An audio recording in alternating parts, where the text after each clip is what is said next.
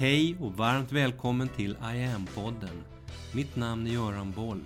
Här kommer jag varje vecka att presentera, utveckla tankar kring och polera på en ny facett av denna märkliga, mäktiga ädelsten vi kallar yoga.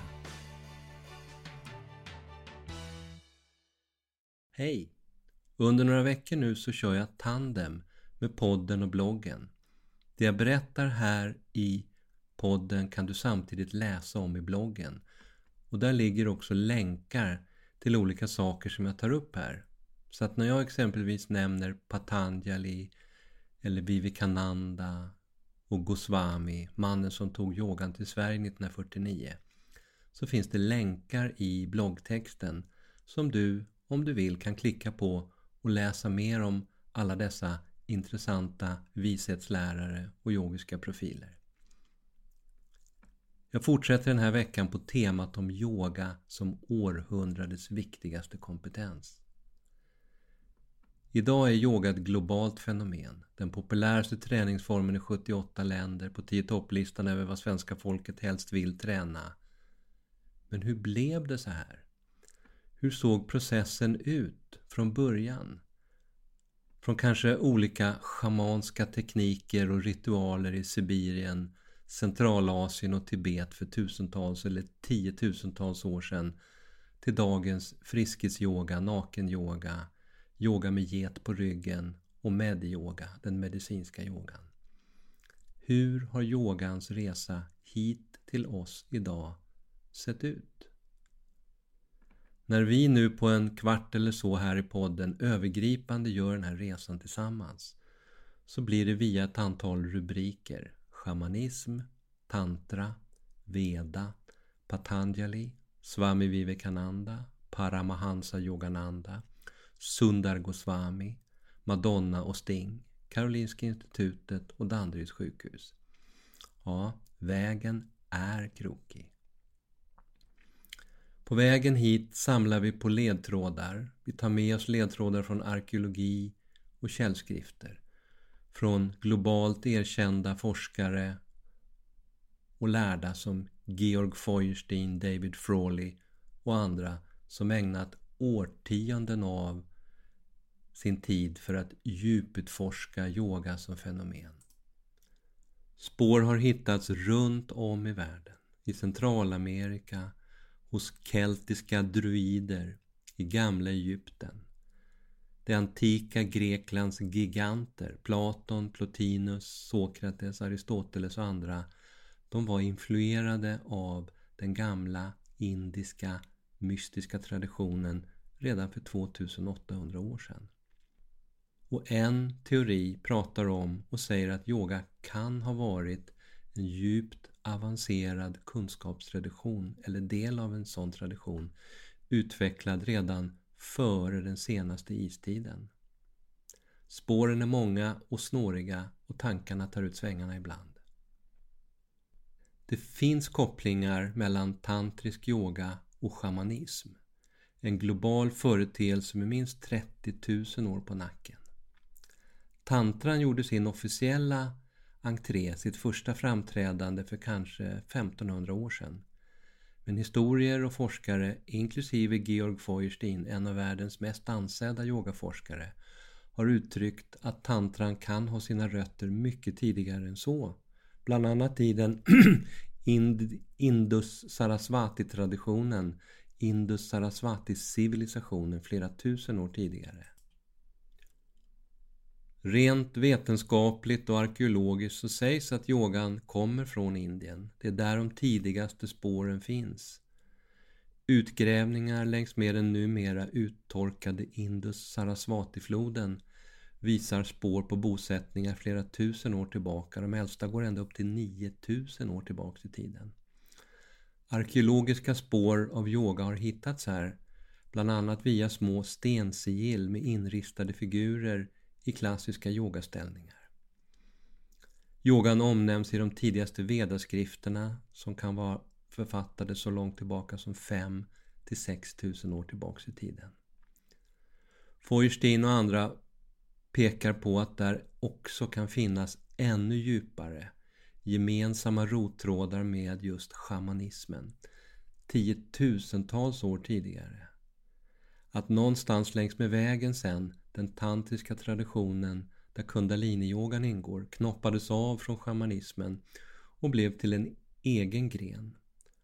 Och än idag så lever schamanska och tantriska traditioner sida vid sida i Himalaya, framförallt i Nepal.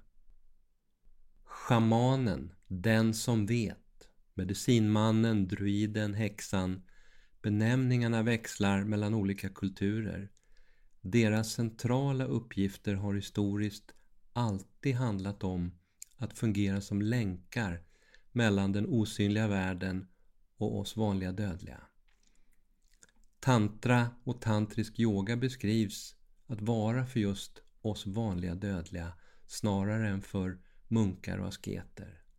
Den innefattar yoga, meditation, visualisering, kunskap om chakra och kundalini, mantra, geometriska symboler, kroppen som ett tempel att vårda, mäns och kvinnors jämbördighet och så vidare.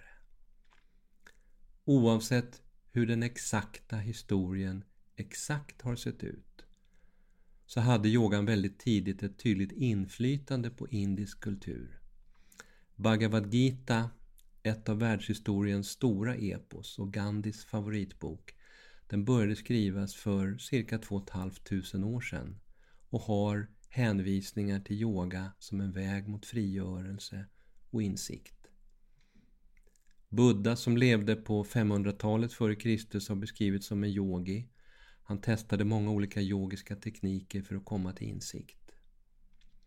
En av de historiskt sett mest inflytelserika yogisarna, Patanjali, tros ha levt ungefär vid vår tideräknings början.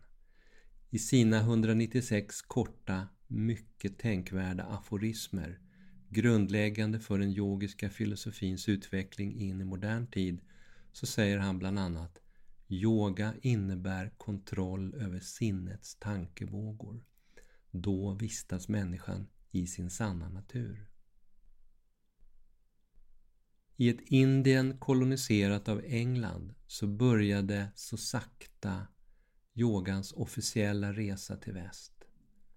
Swami Vivekananda och hans föreläsning i Chicago 1893 räknas som startskottet Hans braksuccé där ledde till ett veritabelt lämmeltåg av yogis, gurus, swamis och andra vishetslärare som under 1900-talet tog yogan till Europa och USA. En av dem, Paramahansa Yogananda, som kom till USA 1920, han skrev 1946 en bok om sin livsresa, en yogis självbiografi, som idag är översatt till 50 språk. BKS Iyengar, Indra Devi, Patabi Joyce, Yogi Bhajan och Bikram är andra exempel på lärare som på olika sätt under 1900-talet framgångsrikt introducerade olika former av yoga runt om i världen. Till Sverige kom yogan officiellt 1949 då yogin Sundar Goswami, det bengaliska lejonet, kom hit och deltog i en gymnastikuppvisning, den så kallade Lingiaden med deltagare från 60 länder. Han blev kvar i Sverige startade Europas kanske första yogaskola i Stockholm. Hans bok Hatta-yoga med vitt-orange omslag från 1956 fanns i många svenska bokhyllor. Tillsammans med sin främste svenska adept Karin Schalander så åkte han på 50-talet omskriven i olika veckotidningar, bland annat runt i olika svenska skolor och lärde ut yogagymnastik till barn och unga. Ända fram till mitten, slutet av 60-talet så var yogan smal men hyfsat respekterad. De som då alls reflekterade över yoga såg den som just en slags gymnastik med starka etik och moralregler i botten. När sen hippie-eran exploderar över världen i slutet av 60 och början på 70-talet.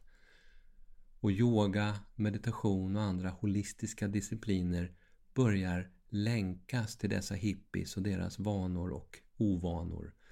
Då förändras samhällsattityden och yogan ses som ett flummigt navelskåderi som förvisas till olika källarcenter dit inga vanliga människor tar sig. Och där stannar den, under jord, fram till mitten av 90-talet när delar av yogavärlden vävdes samman med olika fitnesstrender och artistikoner som Madonna och Sting berättade för världen och sina fans att de minsann tränar yoga och att det är helt fantastiskt. När jag 1995 under min egen utbildning till yogalärare sa till mina klasskamrater att jag tänkte ta yogan in i näringslivet, kundalini-yoga, så trodde de att jag var lite knäpp. Ingen trodde att det skulle fungera. Men det gjorde det. SAS var först ut våren 96. Tätt följd av sådana stora företag som Trygg-Hansa, Postgirot och Regeringskansliet. Flera hundra stora svenska arbetsplatser följde sedan efter genom åren. 1998 gjorde professor Irene Jensen på Karolinska institutet en yogastudie tillsammans med mig på ospecificerad ryggsmärta. Den visade tydliga resultat och blev startskottet till mer forskning och till att Danderyds sjukhus 2010 via sjuksköterskan Maria Wahlström och en egen hjärtstudie tog in medyoga som reguljär rehab till sina hjärtinfarktpatienter.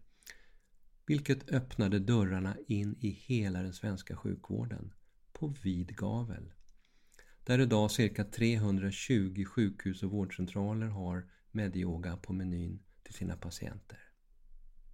Man brukar säga att en av komponenterna som gjort yogan så globalt framgångsrik det är dess förmåga att anpassa sig efter den tid och den kultur inom vilken den verkar.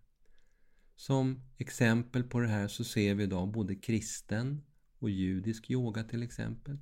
Vi har power yoga och bootcamp yoga. Hard rock yoga. Punkrock yoga. Get-yoga. Gravidyoga, mamma-barn-yoga, dagis-yoga, skol-yoga och arbetsplatsanpassad yoga. Vi har yoga för astronauter, för fångar och via den medicinska yogan yoga för alla patient och vårdkategorier. Världen blir allt mer komplex. Yogan anpassar och diversifierar sig framgångsrikt och utan att i grunden förlora sin själ. Hela den här hemsidan iamyoga.online handlar om det. Om yogans essens, om hur viktig och kraftfull yoga kan vara och bli för oss när vi enkelt och odramatiskt som vanliga människor tar in den i våra liv. Här i tjänsten kan du i lugn och ro, utan förpliktelser, testa allt det här på egen hand. Första månaden är helt kostnadsfri och det är ingen bindningstid. Och i tjänsten finns det mycket att välja på. Allt ifrån ett guidat andetag via enstaka övningar, meditationer till kortare sekvenser, längre yogapass. Hela kvällsklasser online, workshops, självstudiekurser, utbildningar och mycket annat. Varmt välkommen att testa en av det här århundradets allra viktigaste kompetenser. Mitt namn är Göran Boll.